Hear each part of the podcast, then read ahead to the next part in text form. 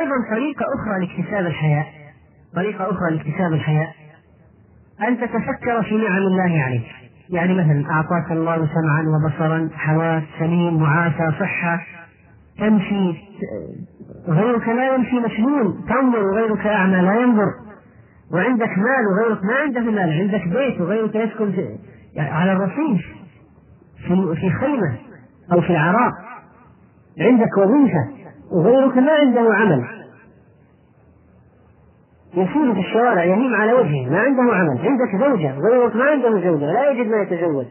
عندك ولد وغيرك عقيم. قبلت في جامعة وغيرك ما عنده قبول في جامعة. عندك دراسة أو وظيفة وغيرك يفقدها. تتذكر النعم. هذا بداية الطريق ثم تتذكر تقصيرك تجاه الله في شكر هذه النعم. ثم قل لنفسك يعني ماذا فعلت لأجل القيام بواجب شكر النعم هذه؟ الحواس والمال والزوجة والبيت والوظيفة. ماذا فعلت لكي أشكر هذه النعم؟ فماذا ستحس في نفسك؟ بالتقصير. هذا هو اتجاه بداية الشعور بالحياة. يعني هذه طريقة لاكتساب الحياة أن تتفطن للنعم تتذكر النعم ثم ترى التقصير في شكرها منك فبعد ذلك يحل الحياء في قلبك من الله سبحانه وتعالى. و كما قلنا ليس الحياء ضعف والحياء ليس مهانة ولا عجز وإنما هو قوة لأنه طاقة مهمة لأنه يمنع الإنسان من ارتكاب السيئات. وما يكون عليه عارا وشنارا يوم القيامة. ولذلك جاء في رواية لعمران بن عن عمران بن حصين أنه ذكر الحياء وأنه خير كله فقال له بشير بن كعب بشير بن كعب العدوي إنا نجد في بعض الكتب أن منه سكينة ووقارا لله ومنه ضعف. يعني قال انه يعني قرأنا في بعض الكتب انه من الحياة ضعف فغضب عمران وقال أحدثك عن رسول الله صلى الله عليه وسلم يعني الحياة خير كله. الحياة لا يأتي إلا بخير وتعارض فيه تقول الحياة منه ضعف ومنه مهانة. فهذا يعني أن هذا لا يجوز أبدا هذه المعارضة. طبعا الموضوع هذا موضوع طويل مهم موضوع الحياء فمثلا من الأشياء التي يعني تذكر في هذا الجانب. ما هي ثمرات الحياء وكيف يكون الحياء زينة؟ والحياء الذي من صفات الله لله سبحانه وتعالى حليم. ونماذج من حياء الصالحين من الأنبياء ومن بعدهم. ونذكر في هذا الباب مثلا عثمان الذي قال صلى الله عليه وسلم فيه أشد أمتي حياء عثمان. إن أشد هذه الأمة بعد نبيها حياء عثمان. أصدقهم حياء عثمان. الحياء من الإيمان وأحيا أمتي عثمان. هذه بمجموعها هذه أحاديث صحيحة. وكذلك الاستحياء من الله والاستحياء من النفس والاستحياء من الملائكة والاستحياء من الناس. وما هو الفرق بين الحياء والعجز؟ والحياء في طلب العلم والأمر بالمعروف والنهي عن المنكر. و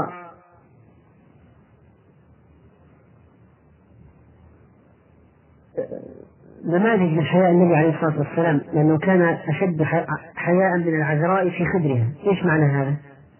معنى العذراء المرأة الذكر العذراء إذا كانت داخل الستر في البيت لو دخل عليها رجل كيف يلبس كذلك؟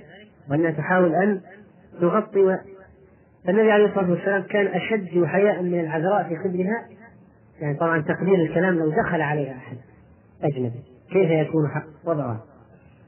فلعل هذا يكمل يعني كموضوع هذا يكمل بخطبة جمعة أو لأنه أو درس لأنه موضوع مهم جدا هذا وفي علاج مشكلات الناس الآن هذه المشكلات الموجودة في المجتمع الانحلال والإباحية والمعاكسات والبذاءة وانتشار الفاحشة واللواط والزنا هذا أصل مش, مش إيش هذا أصل يعني فقدان الحياة صح ولا لا؟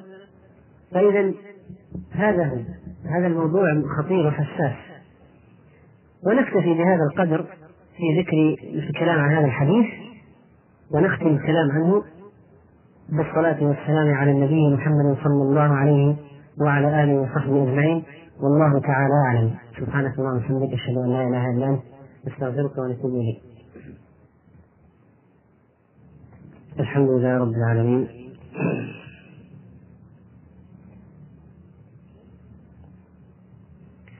وصلى الله وسلم وبارك على نبينا محمد وعلى آله وصحبه أجمعين. وبعد.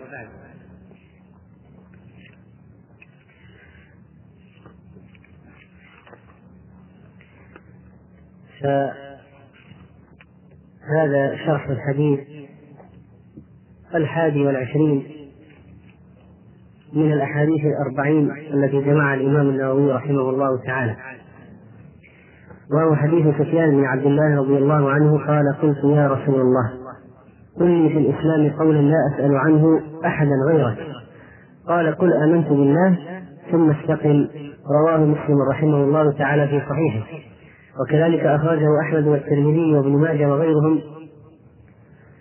والحديث قد جاء في بعض رواياته زيادات عما هو موجود في صحيح مسلم. فقد رواه الإمام أحمد والنسائي من رواية عبد الله بن سفيان الثقفي عن أبيه. أن رجل الاستقامة. عن ابي عمرو وقيل أبي عمرة سفيان بن عبد الله رضي الله عنه. قال قلت يا رسول الله قل لي في الإسلام قولا لا أسأل عنه أحدا غيرك قال قل آمنت بالله ثم استقم رواه مسلم قل آمنت بالله ثم استقم. قلت فما أتقي؟ هذه أنا زيادة. قلت فما أتقي؟ فأومى إلى لسانه. إسناد صحيح. فأومى إلى لسانه.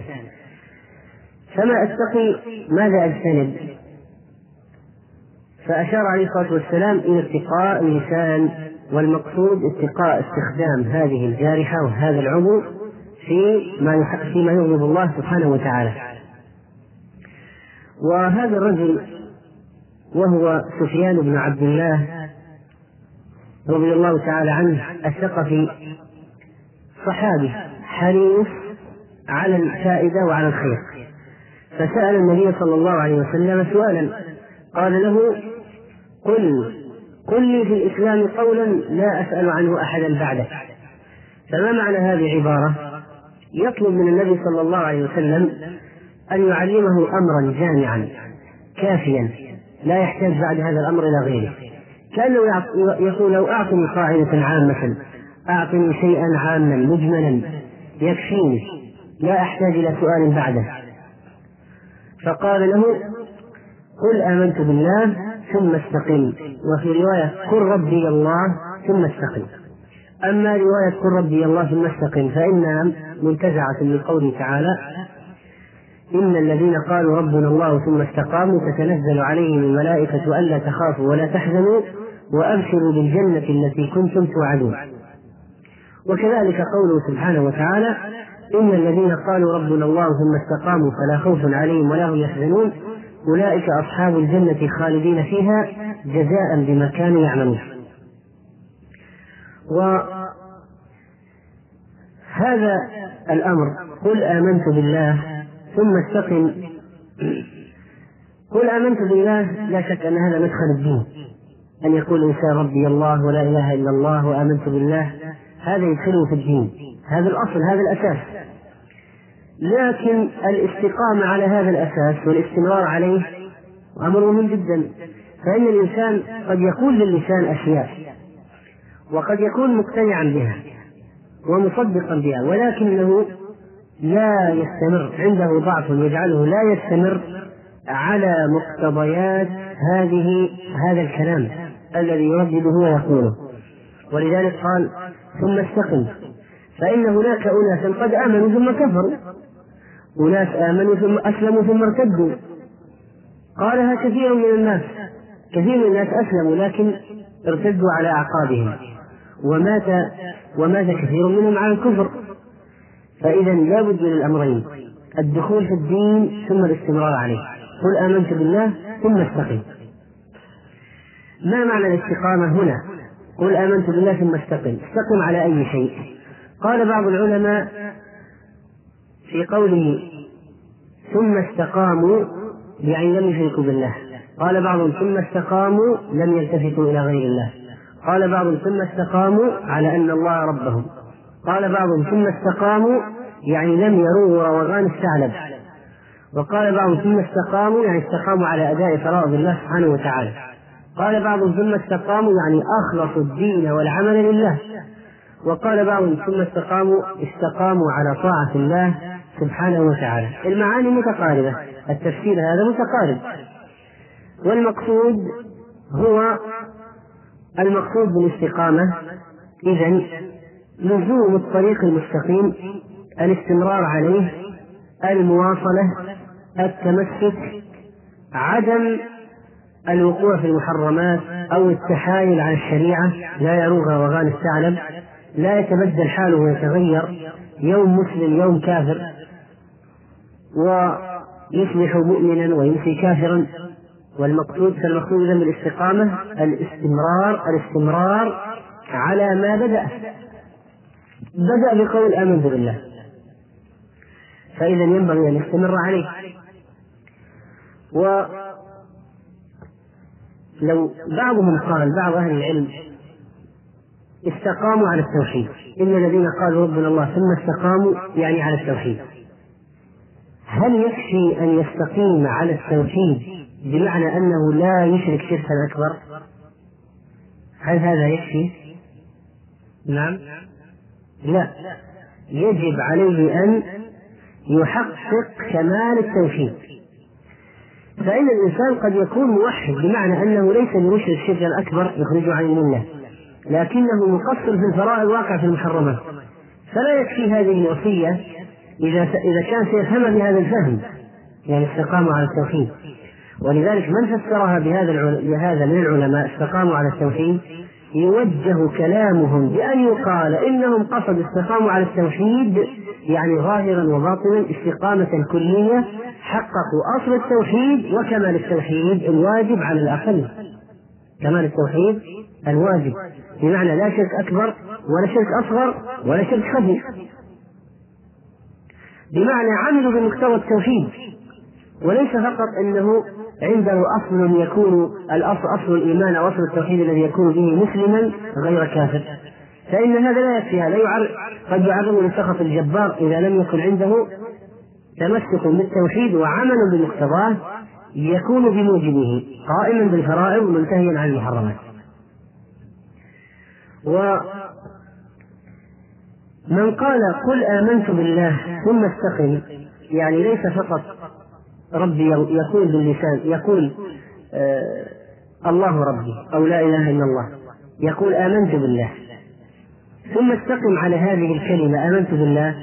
هذا لا يحتاج إلى توجيه مثل القول الأول. لاحظ معي. لو قال قل ربي الله أو لا إله إلا الله ثم استقم. فسرها بعضهم استقم على التوحيد.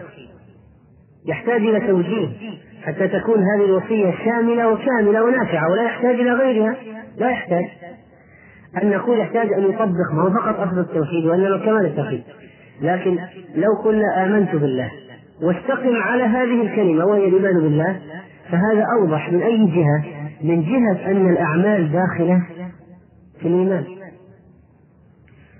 وأنه معناها معنى أنه استقام على الإيمان يعني أنه قائم قائم بالأعمال والفرائض منتهي عن النواهي لأنه يحقق استقام على الإيمان. أما لو قلت استقام على التوحيد يحتاج أن تقول أيضا بالإضافة إلى ذلك يعني أن يحقق كمال التوحيد أيضا. وقد أمر الله نبيه صلى الله عليه وسلم والمؤمنين بالاستقامة. فقال الله عز وجل فاستقم كما أمرت ومن تاب معك. ولا تطغوا إنه بما تعملون بصير. وهذه في سورة هود. فأمره أن يستقيم ومن تاب معه ولا يجاوز الحدوى والطغيان. وأخبر أنه مطلع عليهم إذا تجاوزتم فإنني أراكم وأبصركم وأنا رقيب عليكم. وقال الله عز وجل فلذلك فادع واستقم كما أمرت ولا ولا تتبع أهواهم. فأمر النبي عليه الصلاة والسلام أن يستقيم على أمر الله فهو النبي عليه الصلاة والسلام فكيف بغيره؟ ولذلك لعل هذه الكلمة هذه الآية فاستقم كما أمرت في سورة هود لعلها مما عانى النبي صلى الله عليه وسلم بقوله شيبتني هود وأخواتها. لأن الإلزام بالاستقامة يحتاج إلى مجاهدة وتعب يسبب خروج الشيء وكذلك ما ما فيها من الوعيد الذي يسبب خوف الذي يسبب خوف المؤمن من ربه. فاستقم كما أمرت. والله عز وجل أمر بالاستقامة بمعنى بمعنى أيضا في قوله تعالى أن أقيموا الدين ولا تتفرقوا فيه. أقيموا الدين. وأمر أيضا بإقامة الصلاة وكلها أيضا في معنى حول هذا المعنى. فالاستقامة إذا أردنا أن نعرف الاستقامة نقول سلوك الصراط المستقيم. هذه الاستقامة. من غير تعريف لا يمنة ولا يسرة وأن هذا صراطي مستقيما فاتبعوه ولا تتبعوا السبل. لا يمين ولا شمال. فإذا الاستقامة هي سلوك الصراط المستقيم وعدم الاعوجاج. الاعوجاجات منه ما يكون كفرا يخرجه عن الطريق الكلية منه ما يكون بدعة مكفرة أو غير مكفرة منه ما يكون معصية. فالمطلوب المأمور به لزوم الصراط المستقيم وعدم الحيد عنه.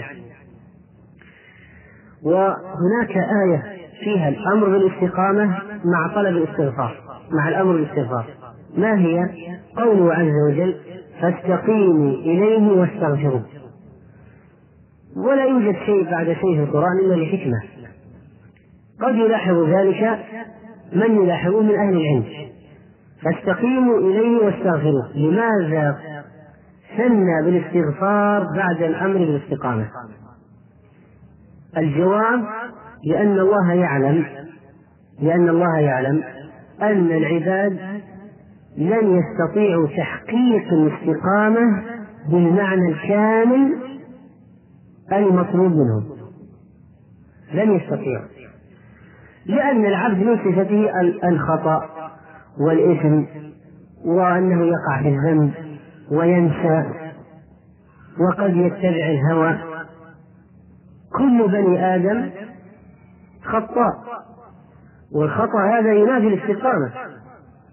فلما طلب منهم الاستقامة أمرهم بالاستغفار. وهذا فيه معنى لطيف جدا وإشارة دقيقة.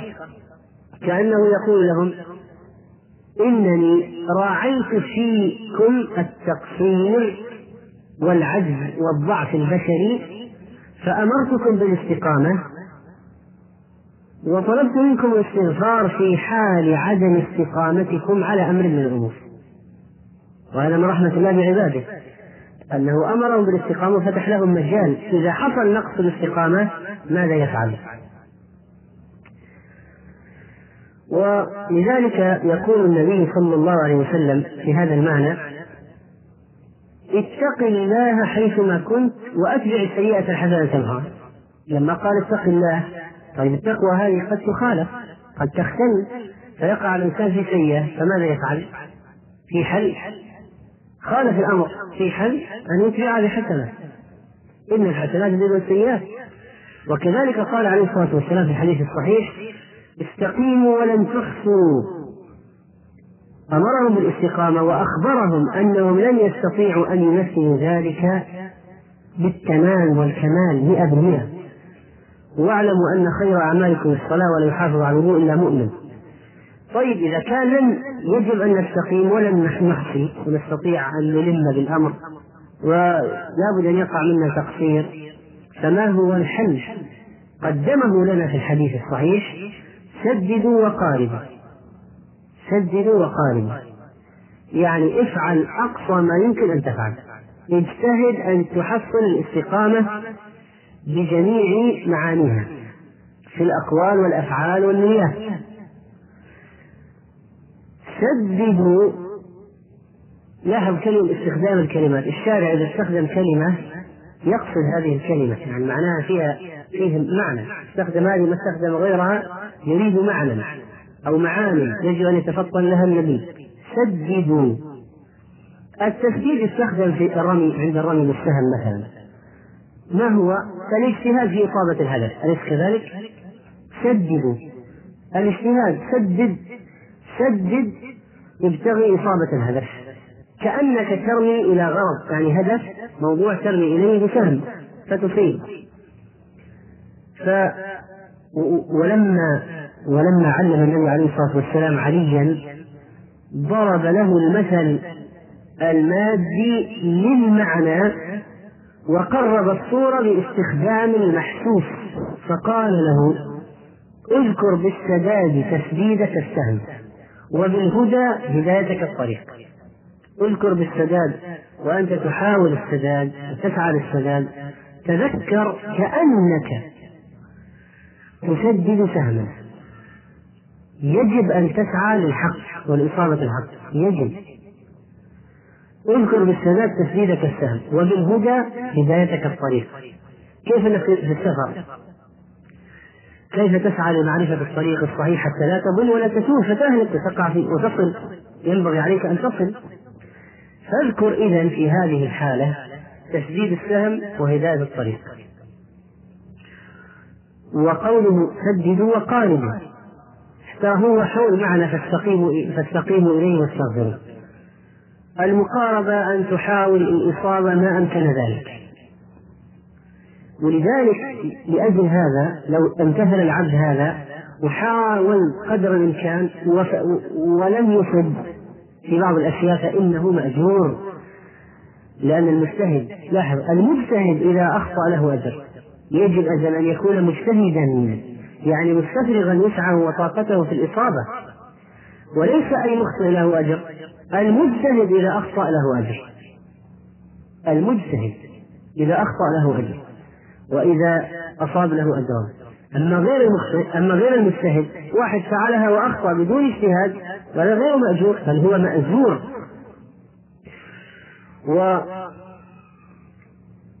وكذلك قوله صلى الله عليه وسلم أيها الناس إنكم لن تعملوا كل ما أمرتكم ولكن سددوا وأبشروا لن تستطيعوا القيام بكل الشعائر. فإذا سددوا خذوا ما ما تستطيعون.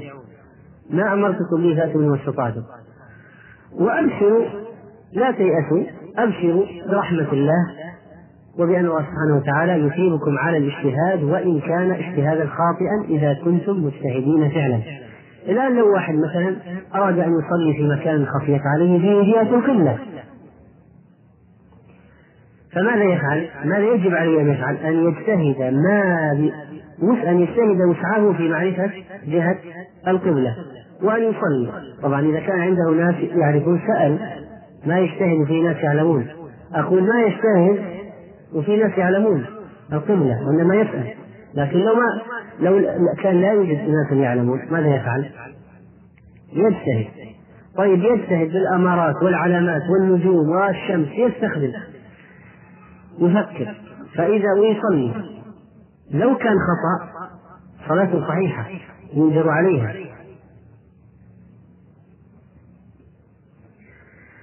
طيب إذا المطلوب من العبد الاستقامة. ولزوم الصراط المستقيم. وأن لا يحيد عنه. وإذا حصل خطأ وحيدة انحراف يرجع ويتوب ويستغفر الله سبحانه وتعالى. ولا يلتفت إلى غير الله في أثناء هذا الفصل وهو الاستقامة. وأول ما ينبغي استقامته تصحيحه هو القلب. لأن القلب إذا استقام استقامت سائر الجوارح. وكيف يستقيم القلب بإخلاص النية لله سبحانه وتعالى؟ وكذلك فإن أعظم ما أعظم ما يسعى العبد لتحصيل الاستقامة بعد القلب هو اللسان لأنه ترجمان القلب وهو الذي ينبئ عما في القلب ويعبر عنه ويعبر عنه. وكذلك فينبغي أن يعلم أن أن الاستقامة لها فوائد يقول الله عز وجل وأن لو استقاموا على الطريقة لأسقيناهم ماء غدقا في الدنيا لها فوائد حتى دنيوية. وفي الآخرة أو عند الموت لها فوائد. إن الذين قالوا ربنا الله ثم استقاموا تتنزل عليهم الملائكة يعني بالتثبيت والتطمين والطمأنينة وتبشرهم بالجنة. وفي الآخرة دخول جنات النعيم. وكذلك فإن من الأشياء المهمة أيضا أو من الفائدين المهمة التي تحتوي هذا الحديث قضية الثبات على الهداية الثبات على الالتزام بالدين. هذا الحديث يصلح لشرح هذا المفهوم وتقديمه وهو مفهوم الثبات على الالتزام والهداية على الاستقامة. قل آمنت بالله ثم استقم ولذلك إذا جئنا للواقع نرى أن بعض الناس يلتزمون بالدين يدخل في الإسلام فترة أو في الدين. فيطبق بعض السنن ويلتزم بأشياء ويبدأ في الصلاة ويعني قد يندم على بعض ما فرط وقارف من المعاصي. ويأتي مجالس الخير ويغشاها. لكن لا يحصل له الاستقامة. فيرجع وينتكس ويرتد مرة أخرى وينكس على عقبيه. طبعا هذا النكوص له أسباب. منها أمراض في القلب لم يعالجها فلما دخل عتبة الهداية وعتبة الإسلام والالتزام ما تخلص من جميع ما في قلبه من الرواتب الماضية. فبقيت معه. فلما استمر فترة تفاعلت هذه الأشياء القديمة وظهرت على السطح وطفت مرة أخرى وحصل لها التأثير. ما تخلص من جميع النزعات التي في نفسه. ولم يخلع على عتب الإسلام جميع أرضية الجاهلية. ولذلك هذه الترسبات الماضية التي يأتي بها الشخص منها الحياة الجاهلية تكون سببا في عدم استقامته إذا لم يتخلص منها. وقد يكون هذا له عدة صور وأشكال. فمنها مثلا كذب يصطحبه معه من أيام الجاهلية ويدخل فيه الالتزام وهو عنده هذه الطبيعة الكذب. شيء من النفاق.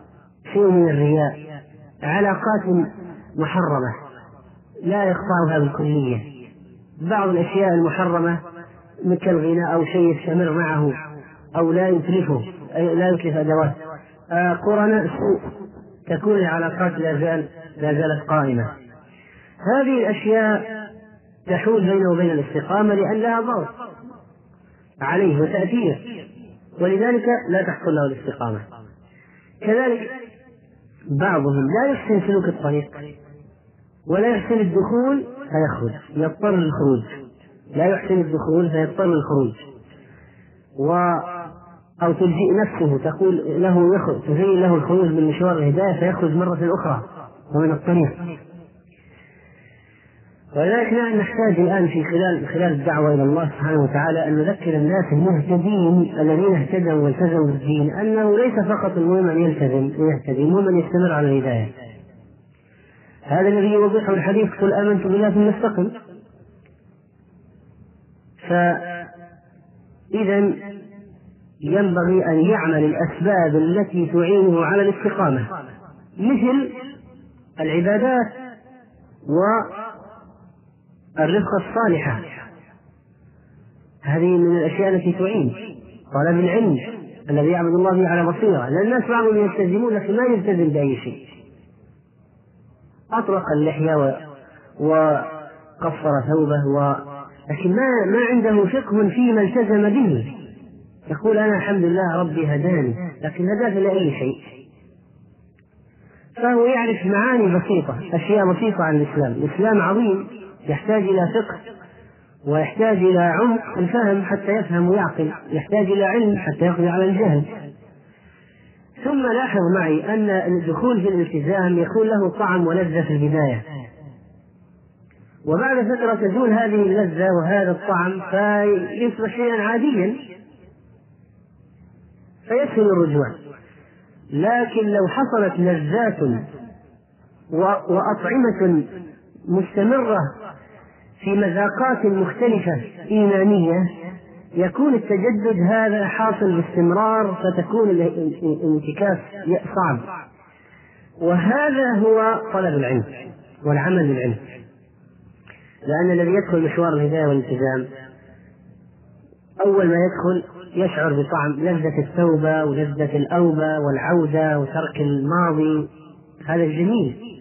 ويكون عنده حماس وقوة فيه ندم على ما مضى وعزم على عمل أشياء جديدة ويكون تغيرت عليه المجال بدلا من أن يكون في مجلس منكر صار في مسجد بدلا أن يكون مع قرين سوء صار مع صاحب صالح بدلا من شريك غنى صار خطبة بدلا من تغيرت الأشياء. لكن إذا ما طلب العلم وعمل بالعلم بعد فترة تصبح هذه الأشياء الجديدة التي طعمها جديد تصبح شيئا اعتياديا. فيفقد لذته فيه. إذا ما وصل ما وصل في تعلم الدين والعمل به سيفقد هذا الطعم الجديد الذي حصل له في بداية الالتزام. وهذا المفهوم لابد أن يؤكد عليه ويشرح لكل واحد يلتزم ويهتدي ما معنى الاستقامة. هذا حديث في غاية الأهمية من أجل الاستمرارية. الحديث هذا يقول آمنت بالله ثم استقم. مهم في قضية الاستمرارية. وهذا من المبادئ الدعوية المهمة. التي ينبغي أن يعرفها الشخص الداعية وكذلك الشخص المدعو الذي يسلك سبيل الاستقامة. أما الحديث الثاني والعشرون ما يدخل الجنة. عن أبي عبد الله جابر بن عبد الله الأنصاري رضي الله عنهما أن رجلا سأل رسول الله صلى الله عليه وسلم فقال أرأيت إذا صليت المكتوبات وصمت رمضان وأحللت الحلال وحرمت الحرام ولم أجد على ذلك شيئا أدخل الجنة؟ قال نعم رواه مسلم. ومعنى حرمت الحرام اجتنبته ومعنى أحللت الحلال فعلته معتقدا حلة.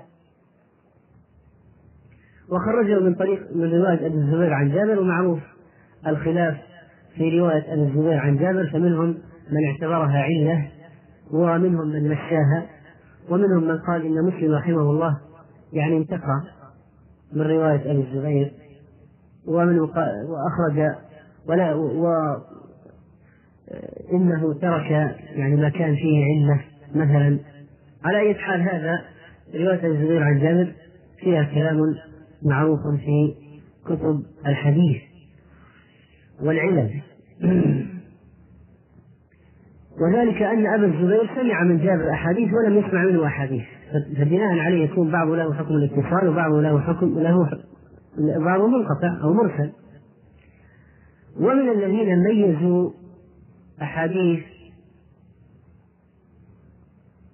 أحاديثه الليث رحمه الله. ليس كذلك؟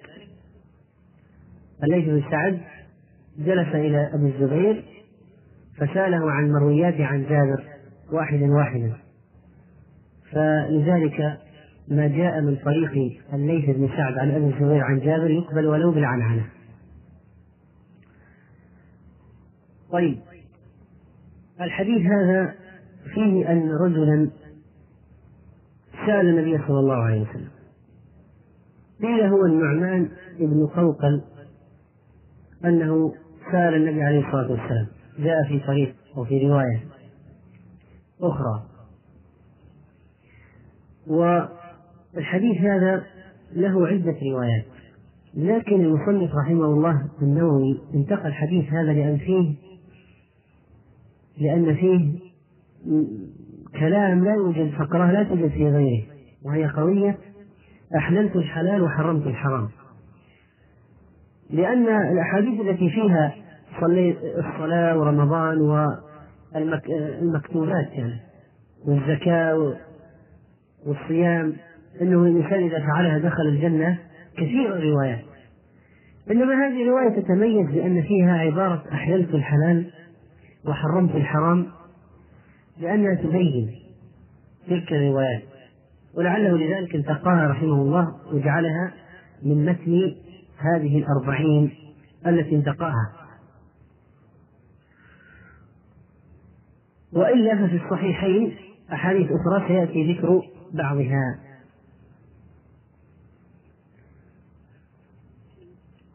أما هذا الحديث سأل رسول الله صلى الله عليه وسلم فقال أرأيت إذا صليت المكتوبات؟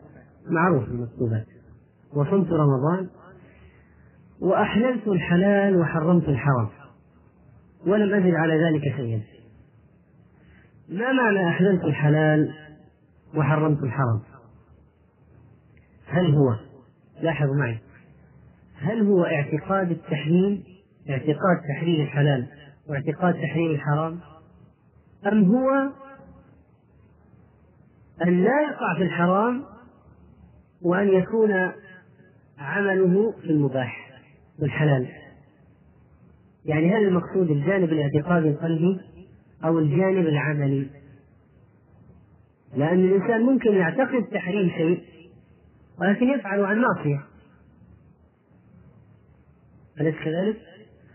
ويعتقد تحليل شيء ويمتنع عنه لأي سبب. مثل مثلا النذر. يمين إن أنه لا يأكل مثلا لحما. وهو معتقد أنه حلال في الشريعة لكن منعه عن نفسه لسبب فهذا المقصود الآن هنا بكلمة أحللت الحلال وحرمت الحرام. يعني اعتقدت تحليل الحلال في القلب. وإن كان ما أكلت أو ما فعلته لسبب.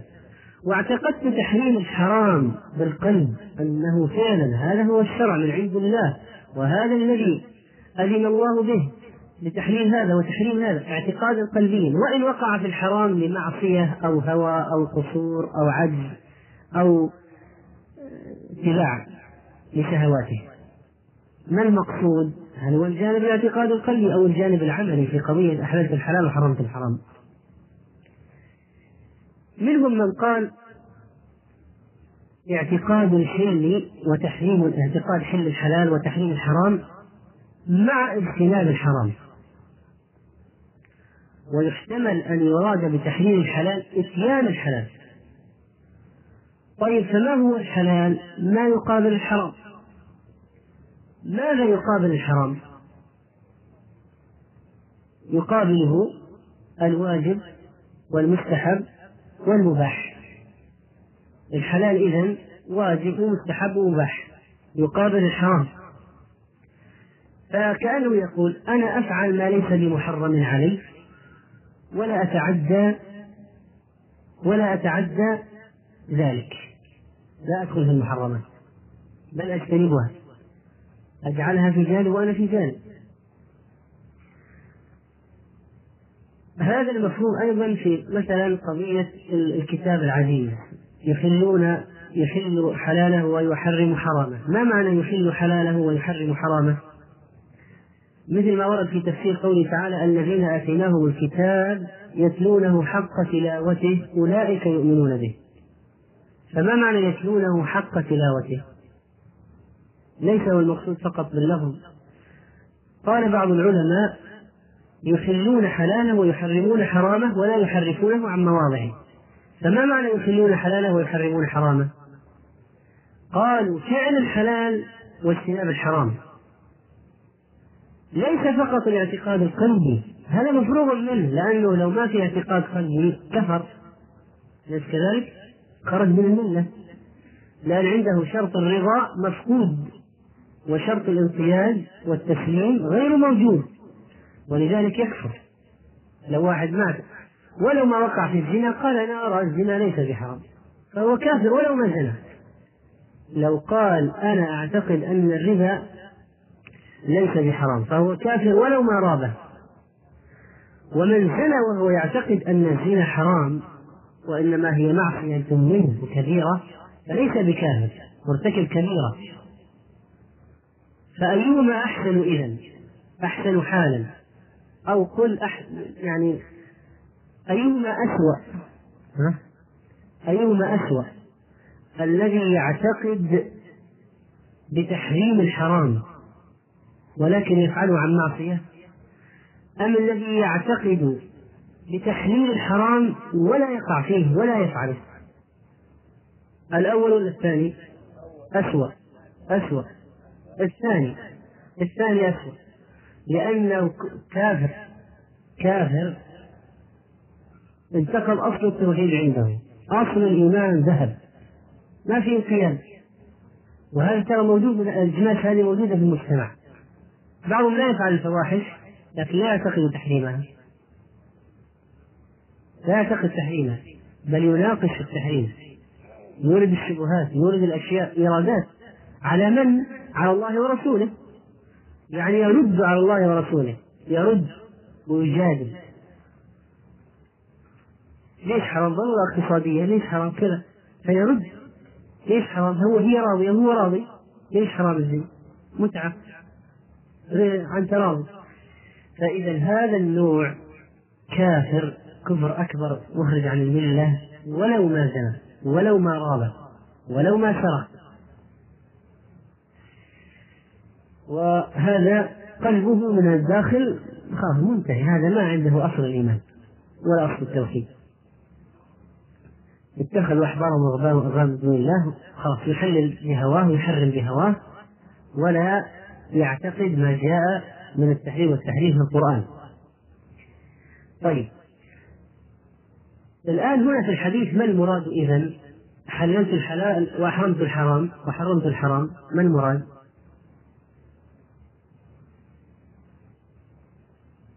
هل المراد الجانب الاعتقادي ولا المراد الجانب العملي؟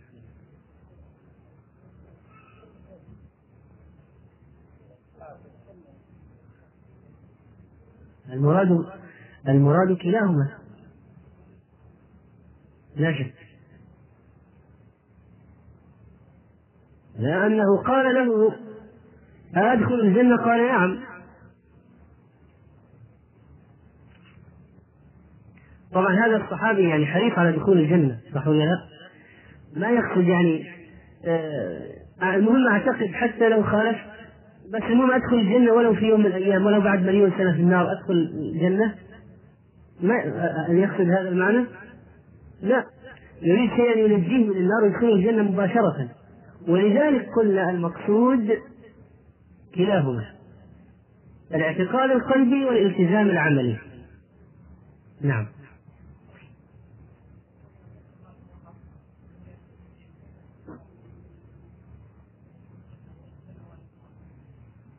إيه لكن صحيح لكن لا يساعد عليه الحديث. الرجل هذا الذي سأل الصحابي هذا ماذا يقصد؟ يقصد النجاة ودخول الجنة مباشرة ولا يقصد أنه أنه يسأل ولو ما دخلها إلا بعد عذاب طويل بس المهم أنه يدخلها. هذا فأقول القصة لا لا تساعد على هذا الفهم. لكن لو واحد قال فسر لي حديث أبي فسر لي حديث أبي ذر. يدخل الجنة وإن زنى وإن سرق نقول إذا كان عنده أصل الاعتقاد سليم ولو خالف يدخل الجنة يوم من الأيام. بس ليس عن رجل يقول له مثلا أفلح إن صدق ودخل الجنة إن صدق ويا رسول الله دلني ولو فعلت كذا أدخل الجنة. لا يناسبه. لا يناسبه هذا المعنى. طيب من الأدلة أيضا على قضية أن التحليل والتحريم يتناول الجانب العملي. يعني أن العمل إذا إذا قلت حلل الحلال وحرم الحرام يعني الجانب العملي وليس الجانب الاعتقادي فقط. قول الله عز وجل إنما النسيء زيادة في الكفر يضل به الذين كفروا. ما هو النسيء؟ نقل تحريم الشهر من شهر الحرام إلى آخر. يقولون مثلا يريدون القتال في محرم يقولون نجعله في مثلا ربيع أول. نجعل التحريم في ربيع أول نمنع في ربيع أول ونقاتل في محرم. وهكذا يلعبون بالأشهر. أو يغيرون مواقعها يظنون يعني أن هذا يعملون اتفاقية. يقول خلاص هذه السنة ترى أخرناها هو عامل. اللعب هذا هل كان في قضية الاعتقاد يعني يعتقد أن محرم ليس بحرام هذه السنة؟ أو رجل ليس بحرام هذه السنة؟ أم أنه يقع منه القتال فعليا في هذا الشهر؟ يعني ما هو واقعهم الذي نزل فيهم هذه الآية نزلت فيهم. القتال عمليا. يقعون في القتال عمليا. فإذا هناك فعل حاصل مخالف. كانوا يقاتلون في الشهر الحرام عاما فيحلونه بذلك ويمتنعون من القتال فيه عاما فيحرمونه بذلك. وكذلك من الأشياء التي تدل على أن قضية تحليل التحليل والتحريم هذا ليس فقط قضية اعتقادية وإنما هي تطلق على الشيء العملي. قول الله عز وجل يا أيها الذين آمنوا لا تحرموا طيبات ما أحل الله لكم. شوف لاحظ الآن هذه الآية تدل على إيش؟ هذه فيها تحريم الحلال ولا لا؟ تدل على الاعتقاد ولا على العمل أو على كليهما؟ لاحظ يا أيها الذين آمنوا لا تحرموا طيبات ما أحل الله لكم يا أيها النبي لم تحرموا ما أحل الله لكم هذه إيش؟ اللي حرم الحلال هنا في الآية اعتقادا أو عملا أو كليهما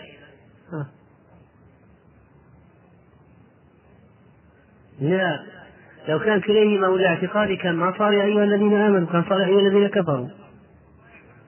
ولا صار يا أيها النبي صار في ذلك. إذا خلص ما هو اعتقادي؟ كيف تقول كليهما؟ لا لا يعلم كيف. العسل ما يعلم. يعلم. قضية هنا مسألة عملية. هنا حرم الحلال عمليا وليس اعتقاديا. حرم الحلال عمليا.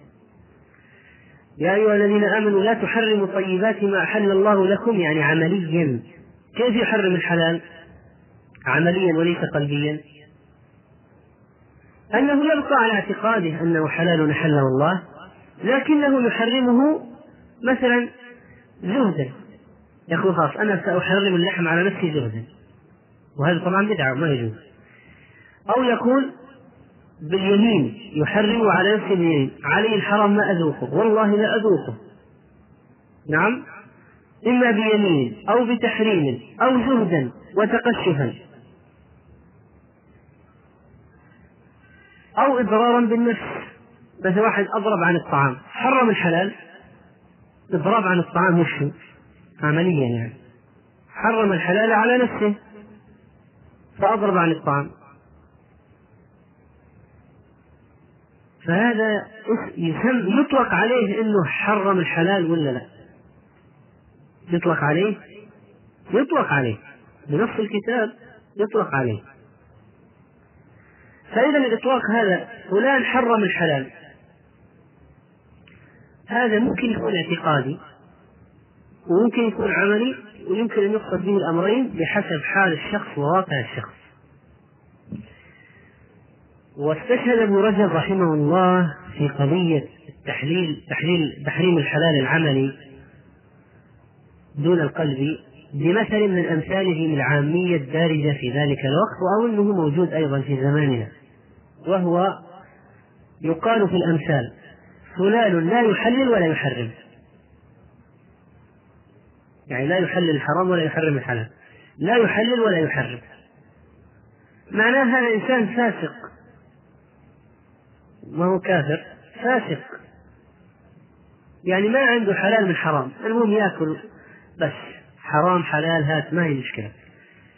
فيطلق إذا يعني هذا المثل فلان لا يحلل ولا يحرم على شخص لا يقف عند حدود الله ولا عنده ورع مطلقا ومستعد أنه يدخل في أي أي شيء أي مكسب.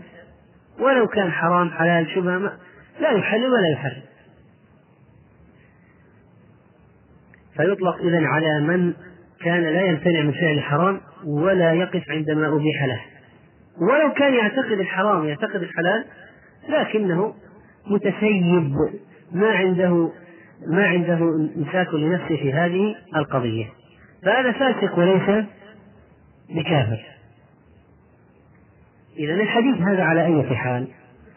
يدل على أن من قام بالواجبات وانتهى عن المحرمات دخل الجنة. من قام بها وانتهى المحرمات معتقدا بتحريمها طبعا دخل الجنة. هذا هو قصارى يعني هذا هو المفهوم مفهوم هذا الحديث. وأن المقصود لكي يدخل الجنة بسلام لاحظ في فرق أن يدخل الجنة بعد عذاب فرق أن يدخل الجنة بسلام. صح ولا لا؟ لأن إذا قلت تدخل الجنة بسلام معناها ما يمر على جهنم. ما في عذاب. لا يتوقف في جهنم العذاب وإنما يدخل الجنة بسلام يعني مباشرة دون دون عذاب. فإذا كان سيدخل يشترط لدخول الجنة بسلام أن يحلل الحلال ويحرم الحرام اعتقاديا وعمليا. أما إذا أنه يعني يقال يدخل الجنة ولو بعد حين من الدهر من العذاب فهذا يشترط أن يكون عنده الاعتقاد موجود لكن عنده العملي مختلف. عنده العملي مختلف. يعني لا يحلل ولا يحرم يعني ما عنده توقف ولا عنده ضبط لنفسه ولا إطلاق شهوات وأهواء يمشي على هواه.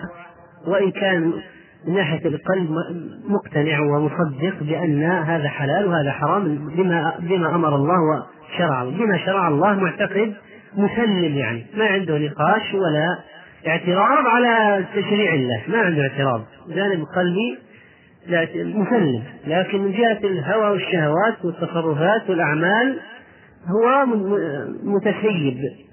يطلق العلام في نفسه في الشهوات. طيب. هنا أحاديث. مجموعة من الأحاديث تحتاج الآن إلى شرح أو تحتاج إلى توجيه وهي الأحاديث التي فيها كلام عن من قال لا إله إلا الله دخل الجنة من قال يعني صلى وصام صلى وصام وزكى وحج دخل الجنة إلى آخره. من صلى البردين دخل الجنة. من صلى الصلوات لوقتها كان له عند الله عز يدخله الجنة هذه الأحاديث كيف تفهم؟ كيف تفهم؟ هذا ما سنرجئه للمرة القادمة وعندنا هنا حديث أو بحث حديثي طيب هذا عنوان الحديث اللي أتاني الأخ علي الحديث المضطرب تعريفه وأقسامه وأمثلة عليه وهذا حديث إن مما أدرك الناس مضطرب أم لا؟ بحث طلبناه مع جملة أبحاث. يعني إحنا من باب يعني عدم عدم إفزاع الإخوان نقول يعني على التيسير. يعني متى ما انهيت البحث هذا حتى لا يشرد ال... طيب هذا البحث إذا هو البحث اللي انتهى اليوم. هو كم بحث؟ أربعة؟ ثلاثة؟ طيب. يكون رابع عليك. طيب. الحديث المضطرب. ما هو الحديث المضطرب؟ قال ابن كثير رحمه الله هو أن يختلف الرواة فيه على شيخ بعينه أو من وجوه أخرى متعادلة لا يترجح بعضها على بعض وقد يكون تارة في الإسناد وقد يكون في المتن. وقال الشيخ أحمد شاكر في الباعث الحديث وهو شرح اختصار الحديث إذا جاء الحديث على أوجه مختلفة في المتن أو في السند من راو واحد أو أكثر فإن رجحت إحدى الروايتين أو الرواية بشيء من وجوه الترجيح كحفظ الراوي. الحين يفرض أنه اختلفوا أربعة من الرواة أو ثلاثة. كل واحد أتى بلفظ يختلف عن الآخر. كيف نرجح؟ يكون أحدهم مثلا أحفظ من الآخرين وأضبط منهم. أو كثرة صحبتي لمن روى عنه. افرض واحد روى عن الزهري وهو لم يلقه إلا مرة أو مرتين. واحد مصاحب له ملازم. معه في السفر والحلق والدروس سنوات طويلة. ثم كلاهما روى عن الزهري حديث. حصل فيه اختلاف في لفظة بينهما. يؤخذ من يرجح من رواية الملازم بطبيعة الحال رواية الملازم. ونحكم على الرواية الأخرى أنها شاذة أو منكرة. وإن تساوت الروايات وامتنع الترجيح. ما وجدنا أسباب ذلك كلهم مثلا تساووا في الحفظ تساووا في الملازمة. من طبقة واحدة من طبقات تلاميذ الشيخ مثلا. ماذا نفعل؟ نقول هذا الحديث مضطرب ونحكم عليه بالضعف. إلا في حالة واحدة. وهي أن يقع الاختلاف في اسم راو أو اسم أبيه أو نسبته ويكون الراوي ثقة. فهل هذا مبرر لتضعيف الحديث؟ افرض حصل هو محمد بن علي ولا علي بن محمد؟ لكن رجل معروف هذا معروف ليس شخصان شخص واحد. لكن اختلف في اسمه هل هو علي بن محمد أو محمد بن علي؟ هل هذا الاختلاف والإضطراب ولو ما استطعنا نرجح هل هو يؤدي إلى ضعف الحديث؟ لا. فهذه حالة مستثناة. ولا يضر الاختلاف فيما ذكر مع تسميته مضطربا من الناحية الشكلية مضطرب. وفي الصحيحين أحاديث كثيرة بهذه المثابة.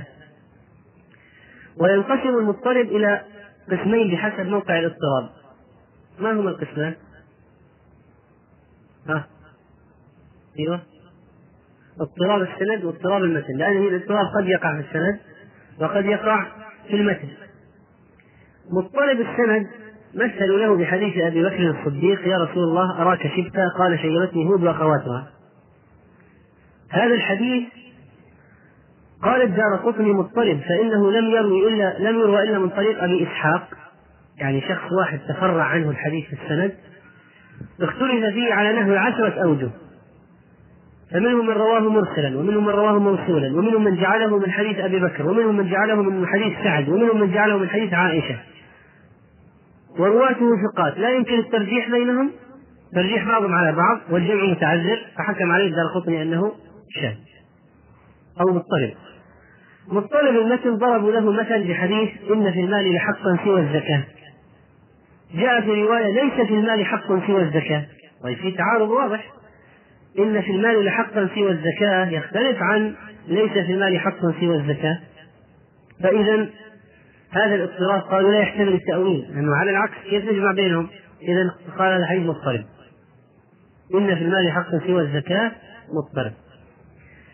حديثنا كان إن مما أدرك الناس من كلام النبوة الأولى من رواية ربعي عن أبي مسعود ورواه قوم آخرون من ربعي عن حذيفة. فاختلف في إسناد على من؟ على من اختلف في إسناد؟ ها؟ ها؟ الاختلاف حصل على من؟ لا. مو موضوع الاختلاف إيش؟ اختلف فيه عن ربعي مرة يرويه عن حذيفة ومرة يرويه عن أبي مسعود البدري. فالآن نأتي. هل يمكن الترجيح أو لا يمكن الترجيح؟ يمكن الترجيح. لما أتينا بروايات أخرى وجدنا أنها تروى أكثر ربعي عن أبي مسعود. فإذا هل الحديث ندخله في قسم المضطرب ونحكم عليه بالضعف؟ وقد أمكن الترجيح؟ الجواب لا. وكذلك هناك طريقة للجمع. أشار إليه الشيخ الألباني في السلسلة كما نقل الأخ وهي حل هذا الإشكال ربعي عن أبي مسعود ربعي عن حذيفة. كيف حل الإشكال هذا؟ ها. أيوه. أن يكون سمعه من كليهما. فإن أبا مسعود وحذيفة مثلا سمع الحديث النبي صلى الله عليه وسلم وربعي هذا مرة جلس إلى أبي مسعود فحدثه به ومرة جلس إلى حذيفة فحدثه به. فهل فإذا يمكن أن نوفق ونقول لعله سمعه من كليهما تنتهي المشكلة قال الشيخ ناصر الدين قال الحافظ في الفتح ليس ببعيد أن يكون ربعي سمعه من أبي مسعود ومن حذيفة جميعا فحدث به عن هذا تارة وعن هذا تارة ومثل هذا الجمع لا بد منه لأن توهين الثقة لا يجوز بغير حجة كما هو معروف في علم المصطلح. طيب هذا بحث جيد وجزاه الله خير الأخ وننتظر بقية الأبحاث. ونكمل الحديث إن شاء الله في الغد. والله تعالى أعلم. صلى الله على نبينا محمد. فتتمة لشرح الحديث الثاني والعشرين الذي رواه جابر بن عبد الله رضي الله عنهما أن رجلا سأل رسول الله صلى الله عليه وسلم فقال أرأيت إذا صليت المكتوبات وصمت رمضان وأحللت الحلال وحرمت الحرام ولم أزد على ذلك شيئا أأدخل الجنة؟ قال نعم رواه مسلم رحمه الله تعالى في صحيحه وقد ذكرنا في المرة الماضية أن هذا الحديث الذي سأل فيه رجل من أصحاب النبي صلى الله عليه وسلم رسول الله عليه الصلاة والسلام عن هذا الأمر والصحابي هو النعمان بن قوقل الخزاعي رضي الله تعالى عنه ممن شهد بدرا سأل النبي عليه الصلاة والسلام هل الاقتصار عن فعل الواجبات وترك المحرمات يدخل الجنة؟ هذا هو ملخص السؤال هل الاقتصار على فعل الواجبات وترك المحرمات يدخل الجنة؟ فكان الجواب عليه الصلاة والسلام بالإيجاب وسأله قال أرأيت أرأيت وهذه همزة همزة ما هي هذه الهمزة؟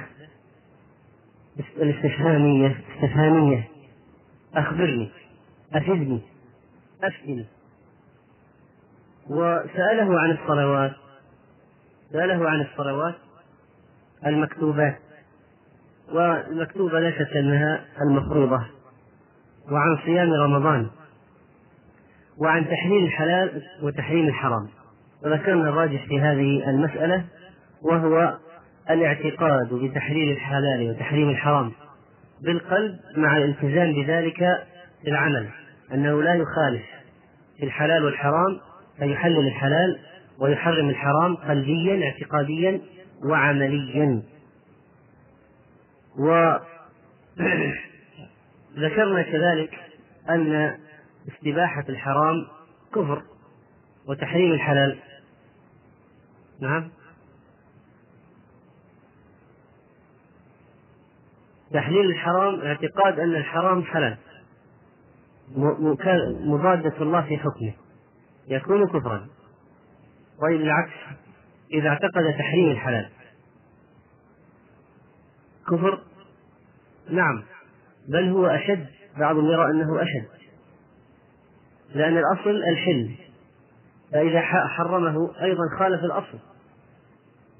يعني بعض العلماء يرى أن تحليل الحرام تحريم الحلال أشد من تحليل الحرام وإن كان كلاهما كفرا.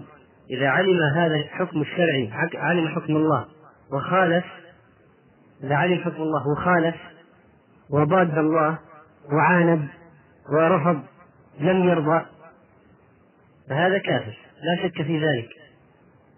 وأما إذا كان يعتقد تحريم الحلال وتحريم الحرام بالقلب كما أنزل الله لكن يخالف في هواه فماذا يكون؟ عاصي أو فاسق ولا يكون كافرا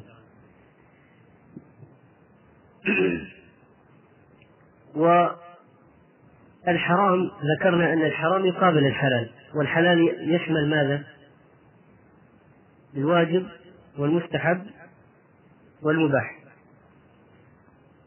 الحرام يعرف بأشياء الحرام من الألفاظ مثلا المرادفة له والمقابلة له مثلا المحظور والمعصية والذنب ونحو ذلك. ويعرف بأشياء منها مثلا النهي. لما يقول الله عز وجل ولا يغتب بعضكم بعضا نعرف أن هذا حرام. أليس كذلك؟ هذا الأمر مهم في الرد على العامة. بعض العوام يقولون بحثنا في القرآن عن نص يحرم الخمر ما وجدنا. يقول لي آية فيها الخمر حرام. هو ما في كل ما وجدت إلا فاجتنبوه. ما وجدت أنه حرام. هذا من قلة فقه في الدين. طبعا يتبعون الهوى. لو أنهم كانوا قليل من الفقه ما أحد يظن أن كلمة فاجتنبوه لا تدل على التحريم. بل هي أشد ألفاظ التحريم. لأن اجتنبوه يعني اجعله في جانب وأنت في الجانب الآخر. ولا يشترط لكل تحريم أن يكون مقترنا الشيء بكلمة حرام. بل يكفي أن يكون فيه لا لا الناهية التي تنهى نهي تحريم. يكفي حتى يكون حرام. وهذه السطحية الموجودة عند بعض الناس. لا يرضى لا ينتهي ولا يقتنع إلا إذا وجد كلمة حرام في النص. ولذلك بعضهم إذا قلت له لا يجوز يقول لا يجوز يعني حرام ولا حلال؟ يعني حتى كلمة لا يجوز لا تكفي عندهم من تحريم الشيء. لا بد من كلمة حاء راء ألف ميم حتى يقتنع أو حتى يسكت. ومن هنا تأتي فائدة الفقه والعلم في الدلالة على تحريم الشيء الذي يكون أحيانا بلا الناهية. مثلا لا يغتب بعضكم بعضا ولا يوجد صارف للنهي فيكون هذا للتحريم. وأحيانا يكون الحرام من أدلة الحرام أو من أدلة تحريم الشيء الوعيد على الفعل. قد لا تجد كلمة حرام شيء فلان هذا من فعل حرام هذا الفعل حرام. لكن إذا اقترن ذكر هذا الفعل في النص الشرعي واقترن به واقترن به وعيد تهديد لعنة غضب. فهذا لا شك أنه يدل على تحريمه لا شك أنه يدل على التحريم. إن الذين يشترون بعهد الله وإيمانهم ثمنا قليلا أولئك لا خلاق لهم في الآخرة ولا يكلمهم الله ولا ينظر إليهم يوم القيامة ولا يزكيهم ولهم عذاب أليم. ما بقى؟ هذا واضح. لا يحتاج أن يقول إن الذين يشترون بعهد الله وإيمانه ثمنا قليلا فقد عملوا حراما أو فهو حرام. هذا أشد من كلمة حرام. أشد. وقد يكون الحرام يعرف بلفظ التحريم. حرمت عليكم الميتة والدم حرمت عليكم أمهاتكم وبناتكم وأخواتكم وعماتكم. فهذا دل على التحريم. وكذلك فإن الباب هذا معرفة الحرام القرائن التي تدل على التحريم كثيرة ذكرها العلماء الأصول في كتبهم. وكذلك ذكرنا قضية ترك الحلال ترك الحلال لا اعتقادا بتحريمه وإنما لسبب. قد يكون شرعيا وقد لا يكون شرعيا ترك الحلال فمثلا من ترك نوعا من الطعام لأنه يسبب له ألما أو وجعا أو ضررا ما ما تركه لأنه يعتقد تحريمه فهذا ما حكمه؟ ما حكمه؟ واحد ترك نوع من الحلال والمباح لأنه يضره يضر معدته يضر جسده لا شيء عليه عمله مباح بل قد يكون عمله مستحب بل قد يكون واجب لأنه صار في حكم الضار ولا ضرر ولا ضرار لو ترك المباح زهدا فما هو الحكم؟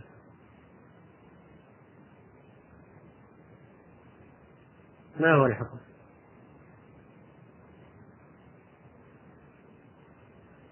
إن كان هذا الزهد موافق للسنة فلا حرج. بل هو مأجور عليه. كمن ترك مثلا الفرش الوثيرة المقاعد الوثيرة تركها. زهدا في الدنيا. لكي لا يتعلق قلبه بالدنيا لا تتعلق نفسه بالدنيا. فلا بأس. إذا لم يضر بنفسه إذا لم يضر بنفسه لكن لو واحد قال أنا لا أكل اللحم مطلقا زهدا في الدنيا ما حكمه؟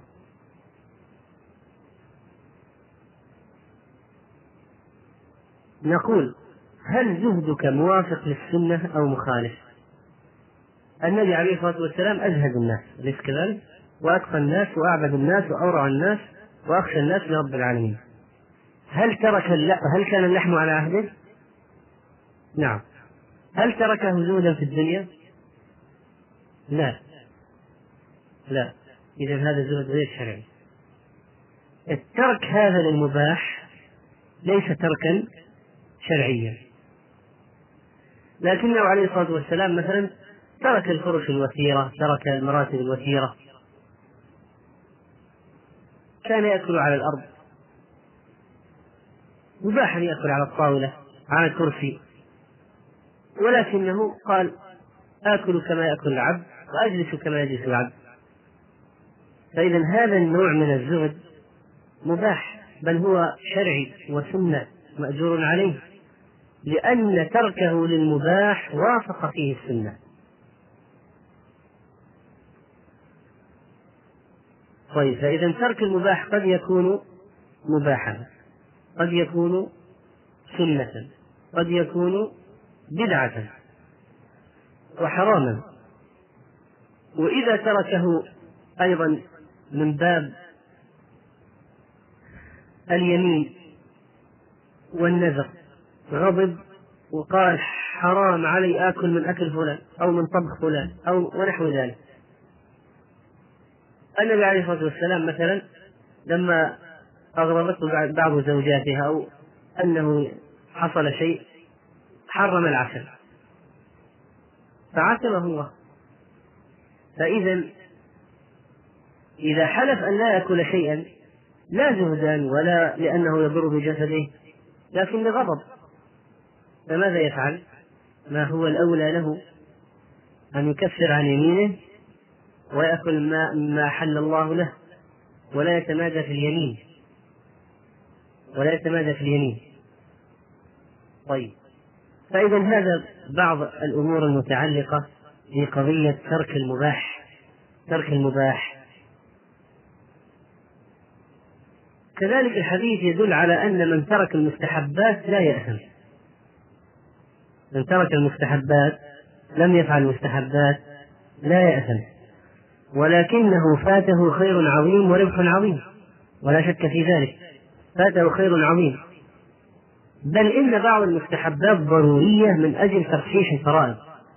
ألم ترى أن الإنسان يوم القيامة يحاسب على صلاته؟ فإذا كان هناك خلل شيء ضاع نام عنه أو متعمدا ربما وما اطمأن فيه خلل في الأركان أو الواجبات. تساهل. ما وضع المنبه؟ متعمد ونام الخلل هذا في الفرائض ما الذي يصلحه ويعوضه؟ السنن والمستحبات. إذا هذه مهمة من أجل تعويض النقص في الفرائض. من أجل تعويض النقص في الفرائض. انظروا هل لعبدي من تطوع إذا وجد في صلاته خلل. طيب. أثار ابن رجب رحمه الله في شرح الحديث مسألة كنا قد ذكرناها في آخر الدرس الماضي وكنا سنجيب عن هذا الاستشكال وهو ماذا بالنسبة للنصوص؟ النصوص طبعا هذه التي تدل النص هذا الحديث وما شابه حديث الباب يعني يدل على أن من قام بالواجبات وترك المحرمات دخل الجنة. أليس كذلك؟ هذا نتفق عليه ولا إشكال فيه هذه قاعدة. من قام بالواجبات وترك المحرمات دخل الجنة. هذا واضح لا ينبغي أن يكون فيه أي لبس. وقد دلت على ذلك أحاديث مثل ضمان بن ثعلبة لما وفد على النبي صلى الله عليه وسلم فذكر له الصلوات الخمس والصيام والزكاة والحج وشرع الإسلام فلما فرغ. قال أشهد أن لا إله إلا الله وأن محمدا رسول الله وسأؤدي هذه الفرائض وأجتنب ما نهيتني عنه لا أزيد ولا أنقص. فقال رسول الله صلى الله عليه وسلم إن صدق دخل الجنة. وفي صحيح البخاري عن أبي أيوب أن رجلا قال للنبي صلى الله عليه وسلم أخبرني بعمل يدخلني الجنة. قال تعبد الله لا تشرك به شيئا وتقيم الصلاة. وتؤتي الزكاة وتصل الرحم. وجاء في طريق لما أدبر الرجل قال عليه الصلاة والسلام إن تمسك بما أمر به دخل الجنة. دخل الجنة. فإذا أدى الأوامر اجتنب النواهي دخل الجنة. وفي الصحيحين عن أبي هريرة أن أعرابيا قال يا رسول الله دلني على عمل إذا عملته دخلت الجنة. قال تعبد الله لا تشرك به شيئا وتقيم الصلاة المكتوبة. وتؤدي الزكاة المفروضة وتصوم رمضان. قال والذي بعثك بالحق لا أزيد على هذا شيئا أبدا ولا أنقص منه. فلما ولى قال النبي صلى الله عليه وسلم من سره أن ينظر إلى رجل من أهل الجنة فلينظر إلى هذا. طبعا النبي عليه الصلاة والسلام وحي فيعرف الله عز وجل يعلم مصير هذا الرجل هل سيستمر أو لا يستمر. لكنه أوحى لنبيه أن هذا الرجل من أهل الجنة معناه هذا الرجل سيستمر على العهد والميثاق. لماذا لم يذكر الحج؟ لأنه لعله لم يكن فرض بعد. أليس كذلك؟ طيب. وفي الصحيحين عن طلحة بن عبيد الله أن أعرابيا جاء إلى رسول الله صلى الله عليه وسلم ثائر الرأس فقال يا رسول الله أخبرني ماذا فرض الله علي من الصلاة. فقال الصلوات الخمس إلا أن تطوع شيئا. فقال أخبرني بما فرض الله علي من الصيام. فقال شهر رمضان إلا أن تطوع شيئا. فقال أخبرني بما فرض الله علي من الزكاة. فأخبره رسول الله, رسول الله صلى الله عليه وسلم بشرائع الإسلام. فقال والذي أكرمك بالحق لا أتطوع شيئا ولا أنقص مما فرض الله علي شيء فقال رسول الله صلى الله عليه وسلم أفلح إن صدق أو دخل الجنة إن صدق. وفي صحيح مسلم عن أنس أن أعرابيا سأل النبي صلى الله عليه وسلم ولكن زاد فيه وحج حج البيت وحج البيت من استطاع إليه سبيلا. فقال والذي بعثك بالحق لا أزيد عليهن ولا أنقص منهن. فقال النبي صلى الله عليه وسلم لا إن صدق ليدخلن الجنة. طبعا الروايات اللي فيها زيادات إذا كانت شخص لشخص واحد إذا كان لعدة أشخاص لا إشكال. نقول هذا كان في وقت وهذا كان في وقت فزاد هذا ولم يزد هذا لما كان في الوقت. لكن لو كانت لشخص واحد وفي بعض الروايات زيادات عن بعض فماذا نقول؟ كيف نجمع؟ نقول بعض الرواة حفظ ما لم يحفظ الآخر بعض الرواة حفظ ما لم يحفظ الآخر كل أخبر بما حفظ فنضم الرواية إذا تروى إذا أردت القصة كاملة تضم الرواية بعضها إلى بعض إذا كان القصة واحدة الرجل واحد السائل واحد الأعرابي واحد وأردت القصة كاملة ماذا تفعل؟ تضم الرواية بعضها إلى بعض وتأتيك القصة كاملة وهذا شيء مهم. مهم لأنه يزيل إشكالات كثيرة. فأحيانا تأتيك رواية ما فيها الحج والإنسان يحتار وقد يكون ذكر الحج في رواية أخرى. فيكون الراوي الأول ما حفظ ما أخبر بالحج الثاني أخبر إذا كانت القصة واحدة. طيب هذا الآن الأعرابي لا يزيد على الصلاة المكتوبة ولا على الزكاة المفروضة ولا على صيام رمضان ولا على حج البيت شيئا من التطوع طيب هل في الأحاديث هذه الأخيرة التي قرأناها اجتناب المحرمات؟ هل فيها اجتناب المحرمات؟ ليس فيها لماذا؟ وهل الذي لا يجتنب المحرم هل معنى ذلك أنه إذا لم يجتنب المحرم يدخل الجنة ولو لم يجتنب المحرمات؟ الجواب لا. السبب أن السائل سأله عن الأشياء التي تدخله الجنة. لو سأله عما يقيه من النار كان يختلف لكن السائل قال ماذا يدخلني الجنة؟ وما هو الذي يدخل الجنة؟ الأعمال الصالحة القيام بالفرائض أليس كذلك؟ فكان الجواب على السؤال. السؤال ما هي الأعمال التي تدخلني الجنة؟ أجابه تفعل كذا وكذا وكذا. لماذا لم يذكر المحرمات؟ ترك المحرمات. لأن السؤال ما هي الأعمال التي تدخلني الجنة؟ لو كان السؤال ما هي الأشياء التي تقيني من النار؟ اختلف الجواب. فأجابه على سؤاله. فلا يأتي إنسان يقول ها نستنبط هنا أن الإنسان مهما فعل من المحرمات يدخل الجنة ما دام قائم بالواجبات. نعم إذا معه أصل التوحيد يدخل الجنة يوم من الدهر. لكن لا يعني أنه يدخل الجنة بلا حساب مهما اقترف من المحرمات. طيب. إذا هذا بالنسبة لقضية لماذا لم يعني يذكر المحرمات ولذلك قلنا في المرة السابقة حديث الباب لماذا اختار النووي رحمه الله لعله لماذا اختار حديث الباب؟ لأنه أوفى. فيه حللت الحلال الحلال وحرمت الحرام. أحللت الحلال وحرمت الحرام. فالحديث يعطي صورة أشمل. ولذلك لعله اختاره وضعه في الباب رغم أن هناك حديث الصحيحين أقوى منه شبيهة به. طيب فإذا أجابه عن أعمال أسباب مقتضية لدخول الجنة. لكن لو أنه عمل موانع لدخول الجنة مثل محرمات ارتكبها هل يدخل الجنة؟ مباشرة يدخل الجنة؟ هو تحت مشيئته لا إن شاء عذبه وإن شاء غفر لا إذا كان معه أصل التوحيد. لكن لا يعني أنه إذا عمل محرمات يدخل. قطعا لا. بل إنه استحق النار. إذا كانت سيئاته أكثر من حسناته استحق النار. ثم أمره إلى الله.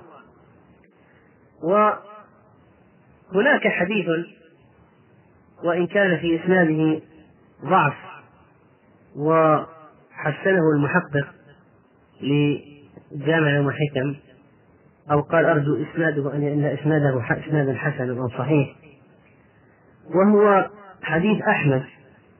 جاء رجل النبي صلى الله عليه وسلم فقال يا رسول الله شهدت أن لا إله إلا الله وأنك رسول الله وصليت الخمس وأديت زكاة مالي وصمت شهر رمضان.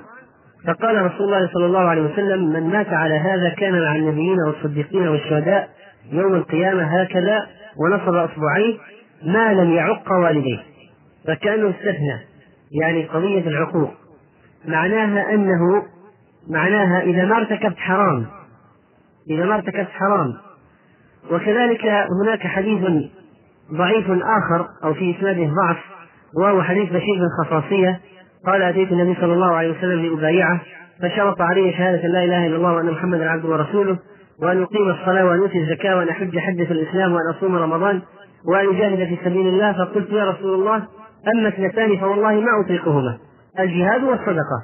فقبض رسول الله صلى الله عليه وسلم يده لأن المبايع يضع يضع يضع يده في يد المبايع أو المبايع يضع يده في يد المبايع ويعاهده. فقبض النبي عليه الصلاة والسلام يده ثم حركها وقال فلا جهاد ولا صدقة فبم تدخل الجنة إذا قال قلت يا رسول الله أنا أبايعك فبايعته عليهن كلهن. فهذا الحديث يبين أنه لا تكفي الخصال السابقة دون الزكاة والجهاد. على أي حال؟ القاعدة واضحة. إذا عمل الواجبات وترك المحرمات دخل الجنة. ومما يدل على أن يعني لو واحد جادلك وقال لك أنا قائم بالواجبات يا أخي ماذا تريدون منا؟ أنتم الدعاة وأنتم تخوفون ترهبون ترهبوننا وتشنون علينا حملات. أنا قائم صلي وزكي صايم وحاج قائم آتي بالشهادتين. أنا في الجنة إن شاء الله. فيمكن أن تستدل عليه بأحاديث تنقض فهمه القاصر ما هي أحد الأحاديث؟ أحد تأتي له بأحاديث. عن أعمال غير الأركان الخمس غير القيام الأركان الخمس. عن أعمال إذا ما قام بها ما دخل الجنة. فتقول له مثلا تعال ماذا تقول في قوله صلى الله عليه وسلم؟ لا يدخل الجنة قاطع.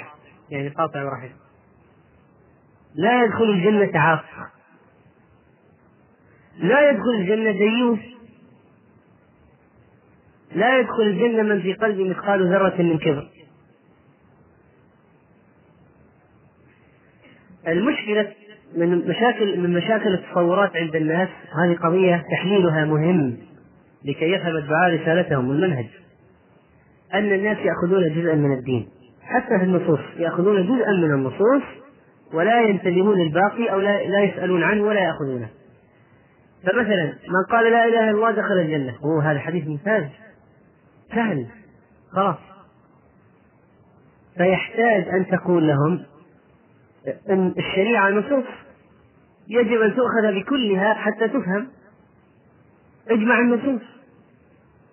فلما تجمع عليه النصوص تقول له ليس فقط إذا صليت وصمت ودخلت الجنة. بل كذلك إذا قطعت الرحم وصرت ديوثا وعندك كبر وما و... فإنك لا تدخل الجنة. هكذا. يوضح بقية الصورة ببقية النصوص. يزال القصور في المفهوم ببقية النصوص. ولذلك سياسة جمع النصوص مهمة في مخاطبة الدعاة للناس جمع النصوص لإكمال الصورة إيضاح الحقيقة. لا يصلح أن يأخذ من النصوص بالتشهي يقول هات الأشياء اللي تدخل الجنة وما نبغى الأشياء اللي تدخل النار. ولا نبغى الأشياء اللي تحرم من دخول الجنة. لا تورد علينا الترهيب. أعطينا الترغيب الله غفور رحيم. فإذا نبئ عبادي أني أنا الغفور الرحيم وأن عذابي هو العذاب الأليم. طيب النبي عليه الصلاة والسلام أيضا قال لا تدخلوا الجنة حتى تؤمنوا ولا تؤمنوا حتى تحابوا. فصارت المحبة في المؤمن واجبة. إذا ما أحب المؤمن يأثم. إذا ما أحب المؤمن المؤمنين يأثم قطعا. بل ربما يكون نوعا من الكفر. يعني إذا كره كل المؤمنين معناها القضية ما هي قضية شخصية وإنما قضية كره الشيء الذي يجمعهم وهو الإسلام أو الإيمان. بغض المتدينين كلهم ما هو فلان أو فلان بغض المتدينين كلهم قد يكون كفرا لأنه ما ما صارت المسألة شخصية وإنما صارت كره الشيء العام الذي يجمع المتدينين يا وهو التمسك بالدين. إذا هو كاره للتمسك. فهذا يكون كفرا. ممكن يؤدي به إلى الكفر الخروج عن الملة. طيب كذلك نحن نعلم من النصوص أن أناسا يحبسون دون الجنة حتى يقتص لبعضهم من بعض. بينهم مظالم. هذا ضرب هذا هذا سب هذا هذا أخذ مال هذا هذا شتم هذا. إذا في قصاص يكون قبل دخول الجنة. كما جاء في الحديث الصحيح أن المؤمنين إذا جاز الصراط حبسوا على قنطرة قبل الجنة. يقتص منهم مظالم كانت بينهم في الدنيا. وقال بعض السلف إن الرجل لا يحبس على باب الجنة مئة عام بالذنب كان يعمله في الدنيا. هذه كلها موانع من دخول الجنة. إذا لابد تعرض الصورة كاملة. الأسباب التي تؤدي إلى دخول الجنة والموانع التي تمنع من دخول الجنة. والأسباب التي تؤدي إلى دخول النار. والأسباب التي تؤدي إلى النجاة من النار. هذه الصورة الكاملة. فإذا لو واحد الآن جاء وقال حديث أبي ذر يا شيخ. ما هو؟ ما من عبد قال لا إله إلا الله ثم مات على ذلك إلا دخل الجنة. قلت وإن زنى وإن سرق. قال وإن زنى وإن سرق. قالها ثلاثة ثم قال في الرابعة على رغم أنف أبي ذر. فخرج أبو ذر وهو يقول وإن رغم أنف أبي ذر. الحديث الصحيح. إيش معنى الحديث؟ على ضوء ما تقدم. هذا رجل عنده أصل التوحيد. إذا مات على لا إله إلا الله على أصل التوحيد يدخل الجنة. يوما من الدهر وأن أصابه قبل ذلك ما أصابه. هذا الذي زنى وإن سرق. وليس أنه يدخل الجنة بلا حساب ولا عذاب. هذا هذا يرد به متى نستعمل الحديث هذا؟ هنا القضية. هل تورد على عامة؟ إيش رأيك واحد مثلا يتكلم مع عامة الناس؟ مع عامة. يورده عليهم؟ لابد من الحكمة التي يدل عليها أبشر الناس قال إذا يتكلوا.